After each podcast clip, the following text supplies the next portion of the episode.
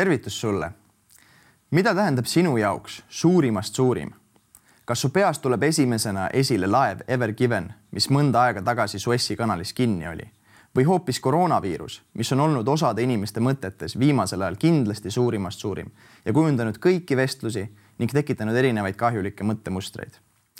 minu nimi on Mooses Lenstrep, võin julgelt tunnistada, et minu elu keskmeks on Jeesus Kristus ning täna võime me koos sinuga mõtiskleda Matteuse evangeeliumi üheteistkümnenda ja kaheteistkümnenda peatüki üle.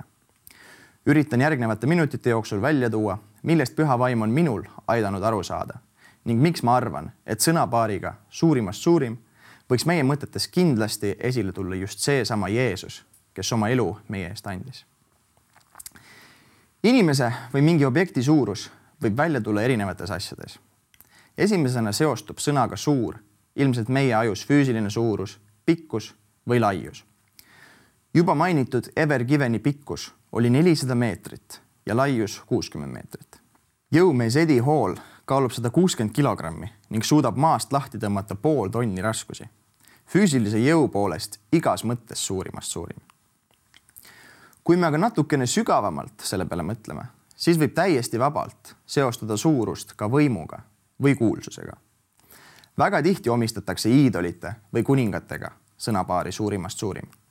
jalgpallis on isegi selline termin nagu GOAT, greatest of all time ehk läbi aegade parim või teisisõnu suurimast suurim. kolmas asi, mis minu jaoks suurusele mõeldes sellega seostub, on jumalik suurus. jumalik suurus võiks eelkõige tähendada seda, kuidas inimene tunnistab, et mingi asi, mis juba toimus või hakkab toimuma, on suuremate jõudude poolt mõjutatud. Olgu need suuremad jõud siis Jumala poolt tulevad või osade inimeste ja kultuuride jaoks ka lihtsalt joodus, loodusjõud milline nendest kolmest võiks siis minu ja sinu elu jaoks päriselt kõige suurema mõjuga olla? usun, et iga inimene jõuab mingil hetkel oma eluga sinna pointi, kus ta tunnistab, et jumalik suurus või suuremad jõud on tema elus suurimast suurimad. on selleks suuruseks siis meie jaoks tuntud piibellik jumal või hoopis saatus või mõni kolmas jõud. Näiteks loodusjõudude ja muude selliste vääramatute jõudude kohta kasutatakse rahvusvaheliselt väljendit force majeure. vanasti nimetati seda isegi kui act of God. piiblis on näiteks üks väga huvitav lugu, kus kaks asja, mida võiks nimetada suurimast suurimaks, omavahel laupkokku põrkesse satuvad. lugu Danielist on väga suureks julgustuseks ilmselt kõigile kristlastele, kuid usun, et ka neile inimestele on see huvitav lugemine, kes ei ole veel Jeesust oma päästjaks tunnistanud. lühidalt selgitades jõuab Daniel oma eluga sinna punkti, kus tal on valik, kas ta peab suurimast suurimaks enda jaoks kuningat, kes ei luba ülistust tuua ega palvetada ühegi jumala poole või siis sedasama Jumalat, kes on tema elus juba väga palju suuri asju teinud. Daniel teeb pealtnäha rumala valiku, otsustades siiski Jumalat teenida, sest selle valiku tõttu visatakse ta lõvisöödaks. siin tuleb mängu see, kuidas päriselt suurimast suurim Jumal hoiab Danieli ning sulgeb nende lõvide suud, kellega Daniel öö koos veedab. järgmisel hommikul tõmmatakse ta lõviaugust välja. tema peal pole mitte ühtegi kriimu ning kui kuningas otsustab visata järgmised inimesed lõviauku, haaravad kiskjad neid lausa juba õhust. kuidas võiks see lugu aga meie ellu rakenduda? Miks on väga suur hulk inimesi maailmas teinud otsuse nimetada Jeesust Kristust enda elus suurimaks suurimaks ning kuidas Jeesus jär, sellele järgnevates peatükkides väga tugeva motiiviga annab. hakkame seda vaikselt Markuse evangeeliumi üheteistkümnenda ja kaheteistkümnenda peatüki abil lahkama. esimeseks tunnistuseks sellest on kohe esimene alapeatükk, kus inimesed võtavad Jeesuse kuninglikult Jeruusalemma vastu.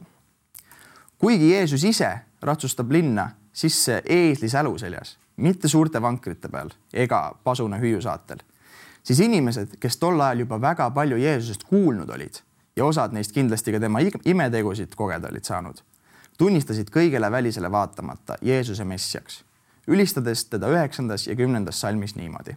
õnnistatud olgu see, kes tuleb issanda nimel. õnnistatud olgu meie isa Taaveti tulev kuningriik. Hoosanna kõrgustes. Kes võisid olla need inimesed, kes kõik võtsid Jeesust vastu kui kuningat peame kindlasti mõtlema sellele, et tollel ajal polnud selliseid kristlasi, nagu tänapäeval igal pool maailmas on. Nende inimeste hulgas oli kindlasti neid, kes eeldasid, et Jeesus on mingisugune poliitiline juht, kes vabastab juudid Rooma võimu alt, mis selleks hetkeks oli kestnud Jeruusalemmas juba vähemalt kaheksakümmend aastat. seega oli osade inimeste jaoks Jeesus kui väejuht, keda järgida ja kellega koos võiks minna võiduka lõpuni sõjas Rooma riigi vastu. sellega võis kaasa minna väga suur osa juudi rahvast. teine osa rahvast olid aga päriselt need, kes uskusid, et Jeesus on päästja ja kuningas. ole väga rõõmus, Sioni tütar, hõiska, Jeruusalemma tütar. vaata, sulle tuleb sinu kuningas, õiglane ja aitaja. tema on alandlik ja sõidab eesli seljas, ema eesli sälu seljas. inimesed teadsid küll selle kirjakoha alusel, et Jeesus võib päästja olla, kuid nad ei olnud päriselt sellised kristlased, nagu meie tänapäeval kristlasi tunneme on huvitav mõelda, et inimesed küll prohvetlike kuulutuste alusel uskusid, et ta on nende päästja, kuid nad ei teadnud enamasti midagi sellest, kuidas päriselt Jeesust järgida. sellele vaatamata on märkimisväärne, et suur hulk inimesi imetles Jeesust ja soovis teda veelgi lähemalt tundma õppida. väga paljudes kohtades Uues Testamendis on mainitud, kuidas ülempreestrid soovisid Jeesust hukata, kuid nad kartsid suurt rahva hulka, kes hakkaks mässama selle tõttu tänapäeval teame, kuidas suuri rahutusi ja mässamisi, näiteks võtame Eestist maski kandmise, lameda maa teooria või valimistulemuste õiguses kahtlemise vastu, viivad inimesed läbi ainult selle tõttu, et neil on väga kindlad veendumused antud teemal. sellele mõeldes saame aru, et inimesed, kes Jeesust olid lähedamalt järginud, pidasid, pidid olema väga kindlad selles, et nende päästja on saabunud ning temaga kaasnev kuningriik ja hiilgus koos sellega sellest kõigest võime juba väga suure plussi panna Jeesuse arvele, kui tahame mõtiskleda enda jaoks, kes võiks olla meie jaoks suurimast suurim. Järgmine minu jaoks silmapaistev lugu siit peatükist algab kahekümne seitsmendast salmist alates. selleks hetkeks oli juba ülempreestritele ja vanematele väga selge, et iga tund, mis Jeesus elusana ringi kõnnib, õõnestab nende võimu maa peal. Nad tunnetasid, et rahvas läheb aina rohkem Jeesusega kaasa ning see kujutab tugevat ohtu kogu ülempreestrite poolt juhitud süsteemile millise meelevallaga sa seda kõike teed? või kes on andnud sulle selle meelevalla, et sa seda kõike teed? Ülempreestrite esimene reaktsioon Jeesuse tegevusele oli soov teda tappa ja vaikselt nii-öelda ära kustutada. nagu juba enne ka mainisin, siis seda ei saanud nad teha, sest kartsid, et Jeesust pooldab nii suur rahvamass, kes lihtsalt hakkaks suuri mässamisi ja rahutusi korraldama, kui üritatakse Jeesust hukata selle tõttu otsustasid vanemad ja ülempreestrid hoopis hakata Jeesust tema kõnest püüdma. Nad küsisid küsimuse, millele otseselt vastust andes läheks Jeesus vastuollu oma kõigi sinnamaani tehtud tegude ja ka lihtsalt oma olemusega. oleks Jeesus vastanud neile, et ta teeb seda oma isa ehk Jumala meelevallaga, siis võinuks teda tolleaegsete juudi seaduste järgi süüdistada inglise keeles sõnaga blasphemy ehk jumala teotus kui aga ta oleks tunnistanud, et ta on vaid tavaline inimene, siis ta poleks rääkinud tõtt enda kohta ja oleks vastuollu läinud kõige sellega, millist eeskuju ta oma eluga sinnamaani näidanud oli. mida siis Jeesus teha otsustas? ta otsustas vastata neile ülima tarkusega, vältides igasugust pikemat väitlust ja mõttetut konflikti. ta pani küsijad täpselt samasugusesse olukorda, nagu küsijad olid teda pannud.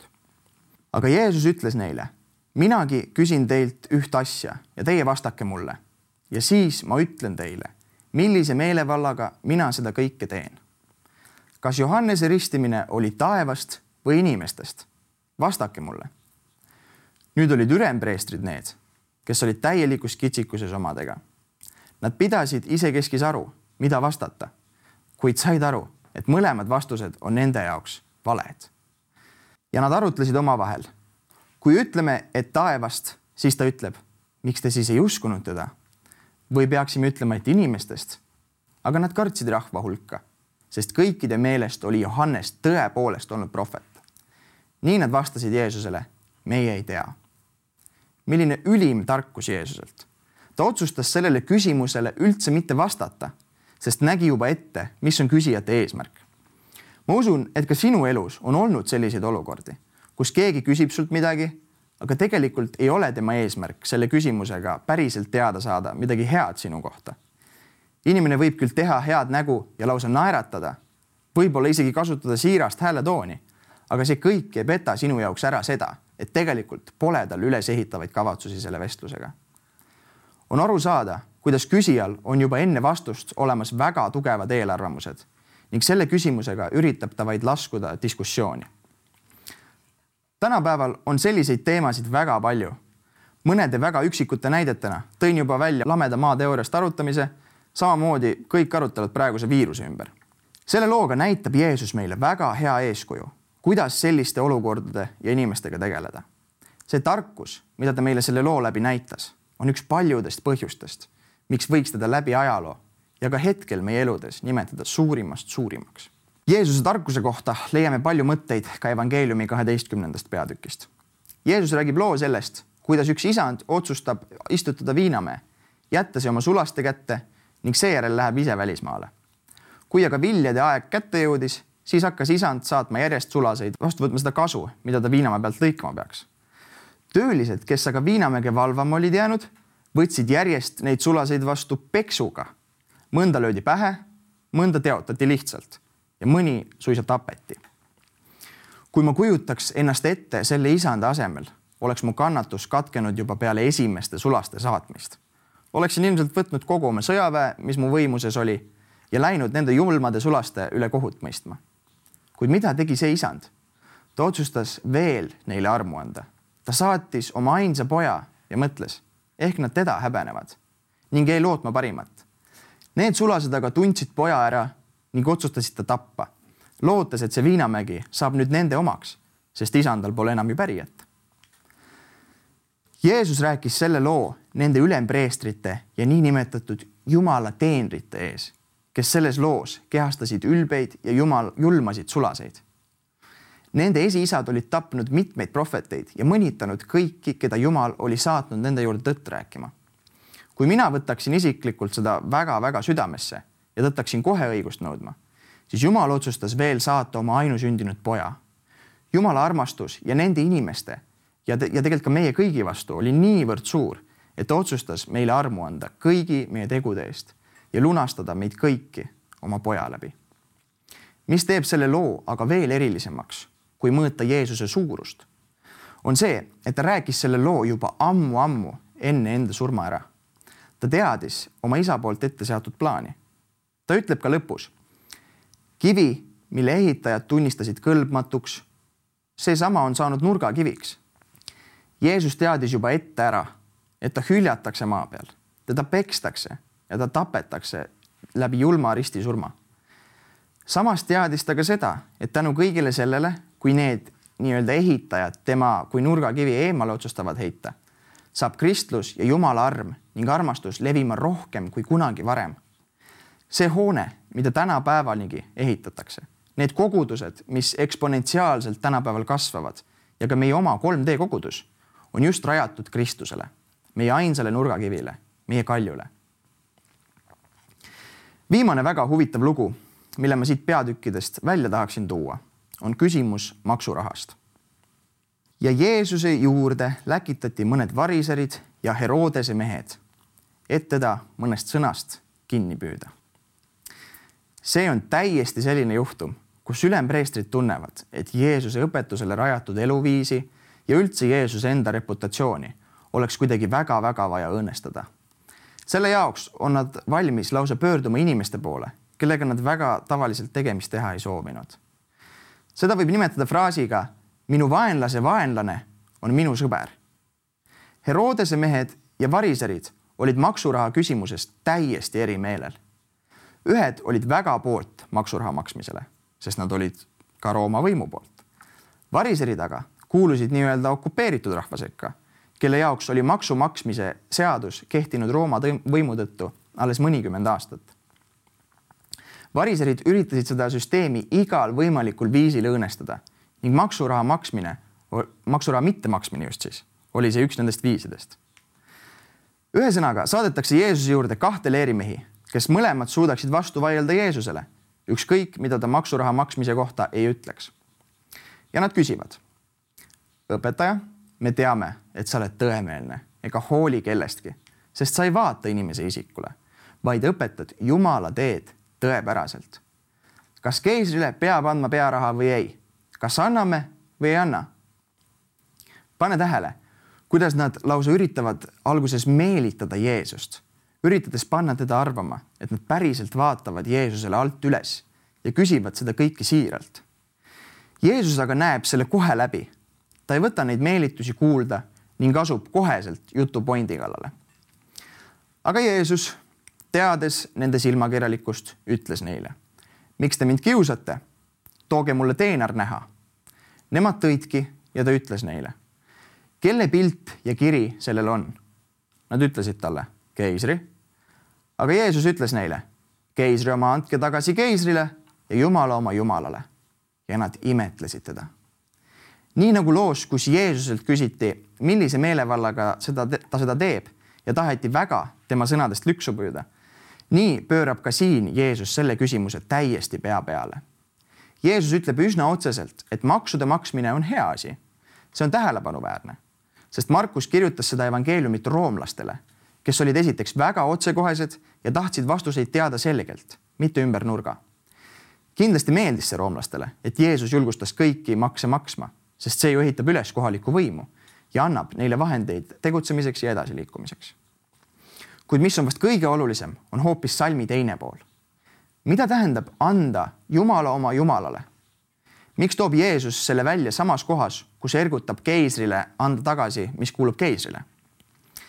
keisri osast arusaamine on lihtne. keisri pilt on maksuraha peal, järelikult kuulub ka see raha keisrile maksude maksmine peaks olema Jeesuse sõnade järgi meile kohustuseks ja seda tuleks täita. kuid kui keisri näoga asi kuulub keisrile, siis mis on see, millel võiks olla Jumala pilt või Jumala nägu peal, mida meie peaksime andma Jumalale? ja Jumal lõi inimese oma näo järgi. Jumala näo järgi lõi ta tema. ta lõi tema meheks ja naiseks. mina ja sina olemegi ju need, kellel on Jumala nägu peal me ei ole juhuslikult kokku sattunud keemiliste osade reaktsioon, vaid päriselt Jumala imeline kätetöö.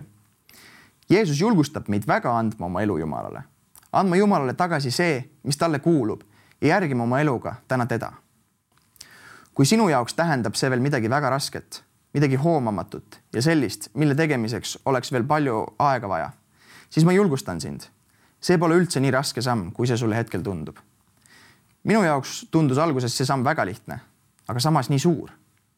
kõige raskem oligi mõelda seda, mida tähendab päriselt oma eluga teenida kõige kõrgemat, suurimatest suurimat.